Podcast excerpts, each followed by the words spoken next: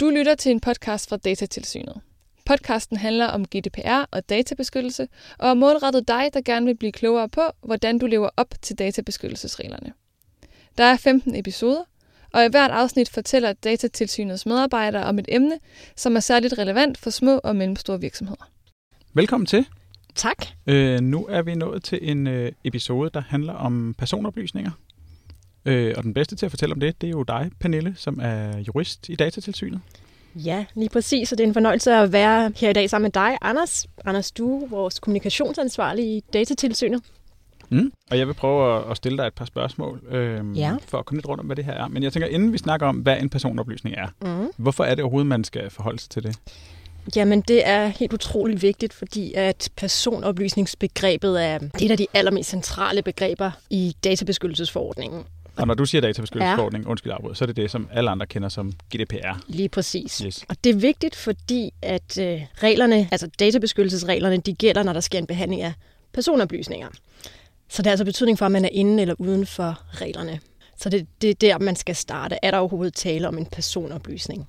Så hvis man ikke snakker om personoplysninger, så er det slet ikke noget med GDPR og vores regler at gøre. Netop. Mm. Netop. Og så skal vi jo tale lidt om, hvad det så er for noget, det her personoplysningsbegreb.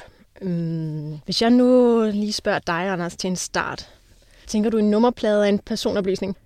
Mm, ja, Ja, det vil jeg sige, det var.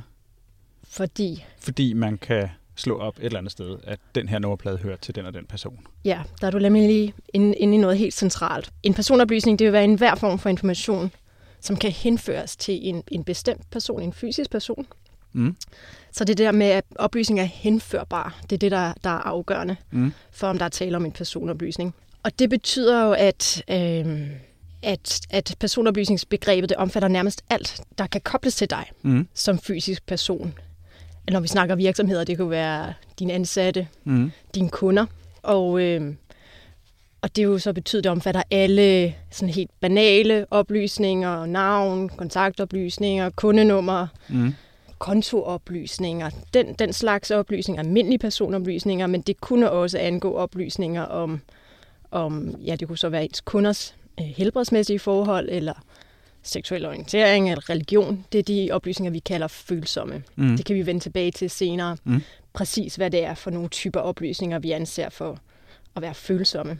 Og det er vigtigt, fordi at den type oplysninger, personoplysninger, de bliver behandlet en lille smule anderledes. Okay. Men du siger det med, at alt, der kan henføres til en person, mm-hmm. det er en Mhm. personoplysning. Mm-hmm. Ja, så der, der skal ekstremt lidt til, at, at noget bliver en, en, en, en personoplysning. Men omvendt er det ikke alt, øh, som vil være en, en oplysning om, om dig. Mm. Mm. Øh, nu har du kontor tæt på Marmorkirken. Du Mm. kan se Marmorkirken ud fra dit vindue. Ja.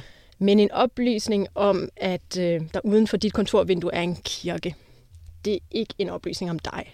Fordi man ikke kan regne ud, at det lige er, er mig. Ja, lige præcis, lige præcis. Men en oplysning om, at det er en person, der kan kigge over på Marmorkirken, er det så en personoplysning? Det kan vel heller ikke henføres til nej, mig? Nej. Til, nej, lige præcis. Okay. Og når man bliver spurgt i, i telefonrådgivningen, så plejer jeg at sige en god tommelfingerregel. Det er, vil din mor kunne genkende dig ud for oplysningen? Mm. Det er selvfølgelig sådan skåret lidt ud i, i, i pap, ikke? men mm. Det kan være en indikation på, ville, ville, hvis din mor ville kunne Ja. genkende dig ud for oplysningen, Ja. så vil det være noget, du kunne identificeres ud fra. Okay, så hvis min mor ved lige præcis, hvordan mit øre ser ud, så vil et nærbillede af mit øre også være en personoplysning. Det, det kunne det meget vel være. Også selvom ingen andre i hele verden kunne kende mit øre. Ja, for ja. Det, det, det er nok, at der bare er en person, der kan finde ud af, øh, hvem oplysningen vedrører. Okay. Ja. Og hvis vi nu tager de sociale medier, Mm. øh, som selvfølgelig er relevant for dig som kommunikationsansvarlig, ikke? alt det, man uploader på de sociale medier, om det er billeder eller en tekst, hvis Mm. der deri indgår oplysninger om person, selvom personens navn ikke er, er indeholdt, Mm. vil der stadigvæk være tale om personhenførbare oplysninger. Mm. Det er nok, at der bare er én person, der vil kunne genkende Så, er det, personen. så er det en personoplysning. Mhm. Ja. Okay. Ja. Så hvis nu man siger, at man hører den her podcast og tænker, i min virksomhed, der, øh, der skal vi finde ud af, om vi omfatter det her. Er det, er det ikke rimelig utænkeligt, at man ikke behandler personoplysninger i sin, i sin virksomhed? Det er meget svært at forestille sig. At man ikke gør det? Ja, ja. enten i form af kunder eller, eller ansatte. Ja. Ja, og øh, når nu vi taler om personoplysning, det er måske vigtigt her at understrege, at, øh, at, at en oplysning om en, en enkeltmands virksomhed vil også være en personoplysning. Og det er fordi i praksis er det umuligt at skelne mellem øh, oplysninger om, om ejeren Mhm. og, øh, og virksomheden. Mm, det giver mening. Så det er lidt en særlig situation, hvor vi Ja. siger en oplysning om et aktieselskab eller et APS, en myndighed for den sags skyld, vil ikke være personoplysninger. Mm. Ja. Så hvis man siger, at der ringer en medarbejder fra datatilsynet, så kan man ikke henføre det til nogen, men hvis der ringer en fra, fra Oles øh, bageri, så kan man godt regne med det Ole selv, hvis han er en enmandsvirksomhed. Ja, lige præcis, ja. lige præcis. Okay. Ja, øhm, noget vi måske skulle tale lidt om, altså er også pseudonymisering som sådan et teknisk begreb. Mm. Hvad tænker du, når jeg siger pseudonymisering? Ja, det er jo noget med, at man, man, man har nogle personer, men man kalder dem noget andet for ikke at bruge deres rigtige identitet, eller et eller andet Mhm. den dur, ikke? Lige netop. Det kan være et navn, der er en kode. Mm. Øhm, og det, der er afgørende her, er, at, at, at hvis koden kan føres tilbage til den oprindelige personoplysning, så gælder reglerne fortsat, fordi det stadigvæk er muligt at henføre oplysningen til, til en person. Så hvis du taler om medarbejder, medarbejder B i en Mhm. mm. virksomhed, men du har en oversigt over medarbej- medarbejder B, det er mig, så vil det stadig være en personoplysning, Ja, netop. fordi at du har oversigten. Præcis. Mens hvis du satte ild til oversigten og glemte alt om den, så ville det ikke længere være. Eller hvad? Mm, det vil være, ja, det er måske lidt, lidt, lidt særlig situation, men det, det, det kan det, man. Det ja, hvis der er ingen, der har koden længere, Mm, ja. øhm, så, så, øhm, s- ja, så, så vil der ikke længere, så kunne det være tale om, der var anonymiserede oplysninger. Det ville så Mm. være det, man skulle, skulle ind, og, ind, ind og se på, hvor identifikationen ikke er mulig længere. Det er simpelthen Ja. ikke er muligt at reidentificere Ja. personen. Ja. Så vil man sige, at det var anonymisering. Ja, Okay. ja der, der, der stilles ret skrappe krav til, at man taler om en egentlig anonymisering, ikke fordi det skal være helt absolut, den her anonymisering, der er Mm. sket, og, Ja. og uigenkaldeligt. Så det er ikke nok, at man bare har det der oversigt over, hvilke koder, der passer til hvilke personer, at man bare har, passer rigtigt på Nej, dem, eller gemmer dem. nej. Sådan noget. Det er ikke det samme som... Det vil ikke nej. være en anonymisering. Nej, nej. Er der tale om en anonymisering, øh, så gælder reglerne ikke, mm. øh, fordi at oplysningen ikke kan føres tilbage til nogen. Mm. Ja. Øhm, Og hvorfor er det relevant, det med anonymisering? Jamen, det kan være et alternativ til sletning, for eksempel, Mm. øh, hvor man, man jo ikke må, må behandle oplysninger længere end nødvendigt. Der skal ske en sletning på et tidspunkt. Og et alternativ til sletning er en anonymisering. Mm. Ja, Er det lige så godt?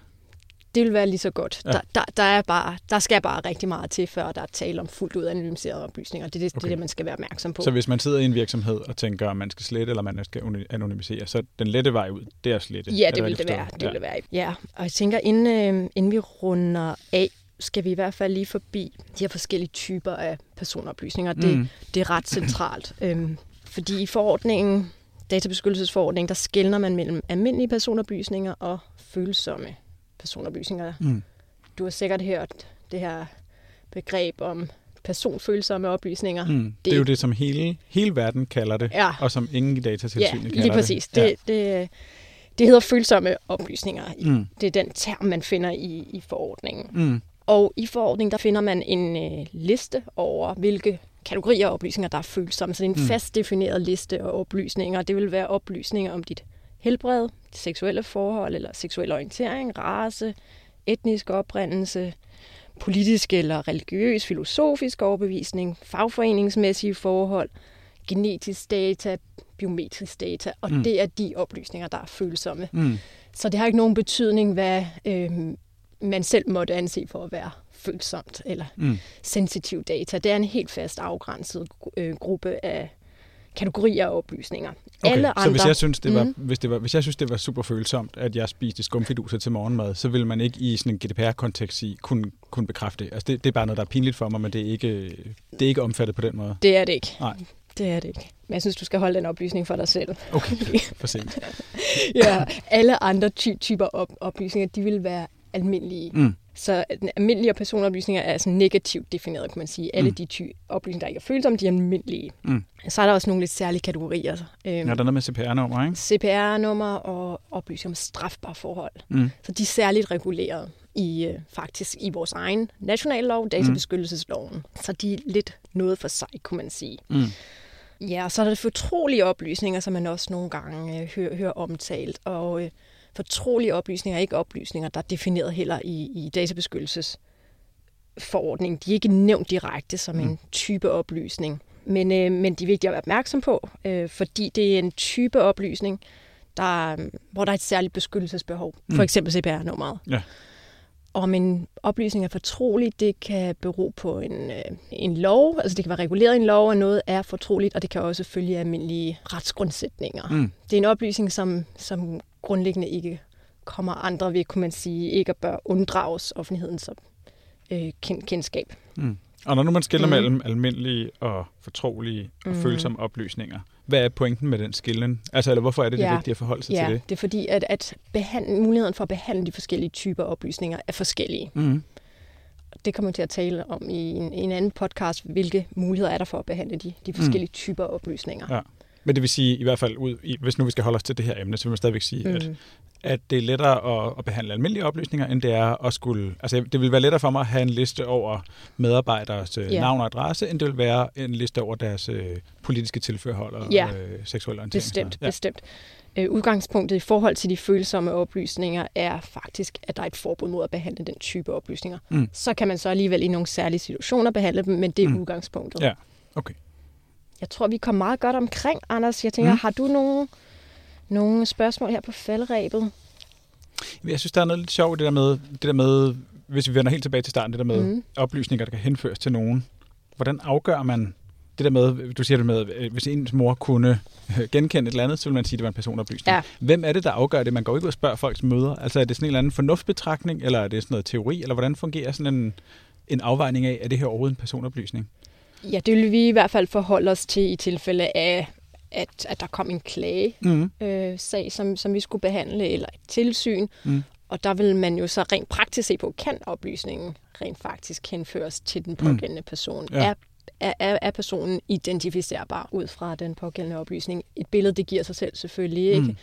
Mm. Et portrætbillede. Øhm, der kan være, være mere vanskelige situationer. Mm. Men for eksempel, hvis- det er muligt, at, nu, nu havde vi eksemplet omkring nummerplade, hvis det er muligt at slå op i et register, Mm. øh, at en bil tilhører øh, Mm. mm. dig, så gør det jo, at oplysningen er personhenførbar. Ja. Og er man i tvivl, så er man jo meget velkommen til at ringe til os øh, i Datatilsynet. Vi sidder, sidder klar hver dag til at besvare spørgsmål. Og nummeret er, så vidt jeg husker, 33 Mm. 19 32 00. Netop. Tak skal du have. Ja, selv tak. Du har lyttet til en podcast fra Datatilsynet. Vil du have svar på flere spørgsmål om regler for databeskyttelse, så giv de andre episoder i serien et lyt, og besøg også gerne Datatilsynets hjemmeside, datatilsynet.dk. Denne podcast er støttet af EU-programmet for rettigheder, ligestilling og unionsborgerskab 2014-2020.